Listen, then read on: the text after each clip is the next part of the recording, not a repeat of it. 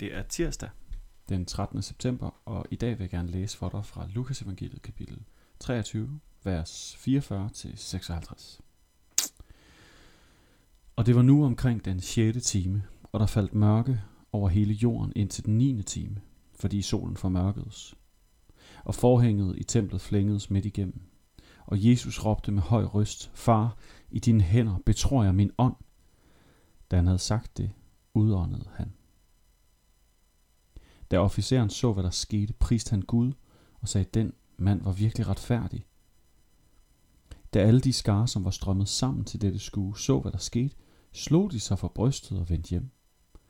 Alle de, som kendte ham, også de kvinder, der var fulgt med ham fra Galilea, stod og så alt dette på afstand. Og se, der var en mand ved navn Josef, medlem af rådet, en god og retfærdig mand, som ikke havde samtykket det, de andre havde besluttet og gjort. Han var fra Arimathea, en jødisk by, og han ventede på Guds rige.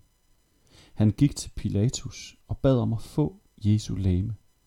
Så tog han det ned, svøbte i et lag og lagde ham i en klippegrav, hvor der endnu ikke havde ligget nogen. Det var forberedelsesdagen lige før sabbaten begyndte. De kvinder, som var kommet fra Galilea sammen med Jesus, fulgte efter og så graven og hvordan hans læme blev lagt der. Og da de var vendt tilbage, tilbredte de vellugtende salver og olier, men sabbaten over holdt de sig i ro efter lovens bud. Amen. Det jeg netop nu har læst for dig, det er afslutningen på Jesu liv. Ja. Det er en beretning om spektakulære, geologiske og kosmiske reaktioner på hans død. Det er historien om en officer, der forundret i rette sætter sig selv, måske bare eftertænksomt udbryder at ham han netop har været med til at slå ihjel, at han måske faktisk ikke havde fortjent det. Det er historien om en skare, der ser Jesu dramatiske udånding og vender slukøret hjem. Det er historien om disciple, troende, som var nødt til at holde sig på afstand, så Jesus virkelig måtte gå igennem det her helt alene og ensom. Det er historien om en troende mand, Josef, af Arimathea. En mand, der troede, at Jesus var begyndelsen på Guds rige, som får lov til at lægge ham i en grav, en klippegrav, der endnu ikke har været nogen i, hvilket formentlig er tegn på, at det var hans egen dyrt erhvervet gravsted. Det er historien om nogle kvinder, der ligesom med kvinden, der salvede ham med dyre, vellugtende olier, blot gerne vil ære Jesus med det, de har. Der er mange forskellige roller. Der er mange forskellige personer. Der er mange forskellige agendaer i det, jeg netop har læst. Og det hele centrerer sig om Jesus. De afgørende ord, jeg vil have dig til at reflektere over i dag, i den her, den her andagt, det er Jesus sidste ord, som går til hans far. Hans far i himlen, som han har levet med hele sit liv, som han har tjent.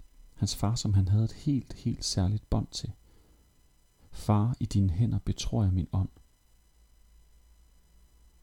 Det er et udtryk. Et udtryk, som på en gang udtrykker en fuldstændig radikal tillid, et voldsomt godt forhold mellem en far og en søn. Det er også en ubærlig sætning. En sætning, ingen far har lyst til at læse eller forholde sig til. Nemlig at, at miste sin søn, sit barn. En hver god far vil heller foretrække selv at gå bort, end at skulle gennemgå det, som Gud Fader i himlen netop der er nødt til, nemlig at tage imod Jesu ånd og bøn, og der på afstand tage afsked med ham. Det er det, som Gud han gennemgår der. Den, der lige der må lide allermest, er Jesus og hans far. Det er ikke officeren, der indser, at han begik en fejl. Det er ikke skaren, der indser, at showet er over. Det er ikke de disciple, som slukøret, bange, øh, traumatiseret og forvirret, øh, står på afstand og, og oplever det. Det er ikke Josef, der efter at have sundet sådan en time eller to, kan gå til Pilatus og få lov at ære Jesu lig. Det er ikke de kvinder, der har lov til øh, at og bare drømmer om at få lov til at ære Jesu læme efter alt, hvad han har gjort for dem i deres liv. Hele centrum i dagens tekst er historien om en far og en søn, der tager afsked.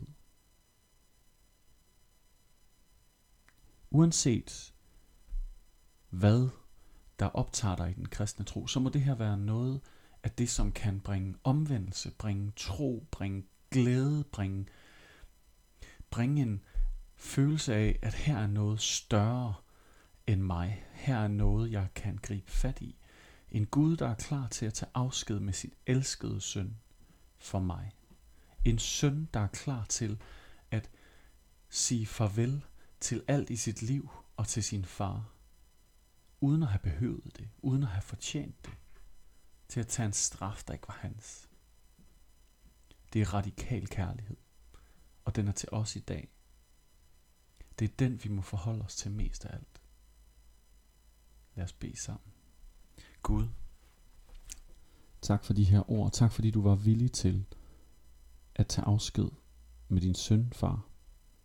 Tak, Jesus, fordi du var klar til at opgive alt. Selv din ånd og betro den i din fars hænder, mens du gik bort. Tak fordi uanset hvem vi kan identificere os med, skaren, officeren, kvinderne, dem der ønskede at ære dig med deres øh, fine gravsted, eller dem der ønskede at ære dig med de olier, som skulle være udtryk for taknemmelighed, så skal vi allermest forholde os til dig og det du var klar til at gøre der. Amen. Kan I have en rigtig dejlig dag.